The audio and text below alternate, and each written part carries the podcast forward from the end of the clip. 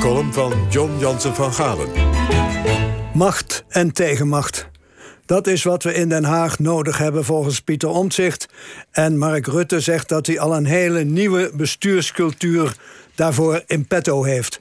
Maar die hadden we lang geleden al. Drie kwart eeuw geleden hield premier Willem Drees strikt de hand aan de scheiding van de macht van de regering en de tegenmacht van het parlement. De fractievoorzitters van de Partij van de Arbeid, jonkheer Marinus van der Goes van Naters en Jaap Burger, klaagden achteraf steen en been dat er nooit, nooit, nooit contact was met de minister-president, die nota bene hun partijgenoot was. Maar Drees hield onbewogen staande, ieder zijn meug, de regering regeert, het parlement controleert en debatteert. Macht en tegenmacht. Deze week verscheen een nieuwe biografie van Willem Drees. Proficiat Jelle Gamers. Met daarin opnieuw de beroemde anekdote over die twee meisjes die de premier elke dag op weg naar school tegenkwamen als hij naar zijn departement wandelde. En die op een dag verschrikt uitriepen: We komen te laat, Drees is al hier. Zo stipt was hij. Je kon de klok op hem gelijk zetten. Is er in Den Haag sindsdien veel veranderd?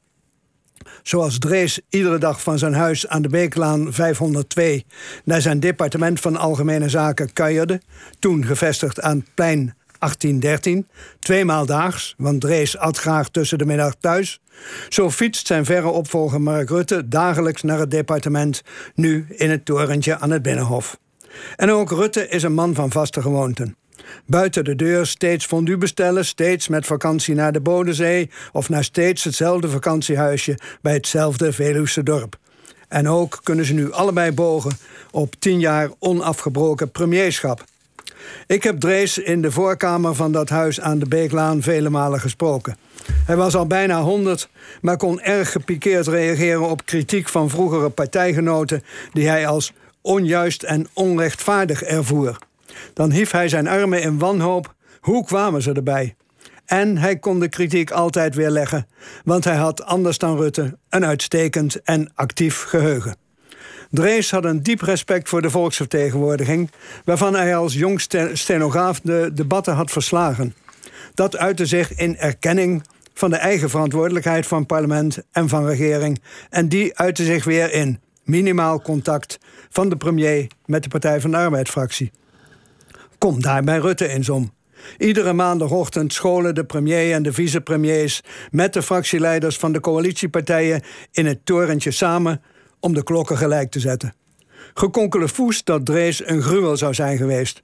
Hij wilde wel over beleidskwesties overleggen met individuele Kamerleden, maar niet met fractievoorzitters die het algemene beleid moesten beoordelen. Begrijpelijk dat hen dat dwars zat, want ze wisten maar al te goed dat katholieke politici wel bij elkaar op schoot zaten. Maar Drees hield voet bij stuk, ieder zijn meug, macht en tegenmacht. Is Nederland in politiek opzicht sinds Drees ten goede veranderd? Ik denk het niet. Het konkelen en bij elkaar op schoot zitten werd algemeen gangbaar. Met de, met de schrijver Ian Forster en diens twee hoeraatjes voor democratie, omdat drie al te hoogvaardig zou zijn, vraag ik dus twee hoeraatjes voor Drees, macht en tegenmacht. Nou, twee hoeraatjes voor Drees. Eh, John, dankjewel. Oké.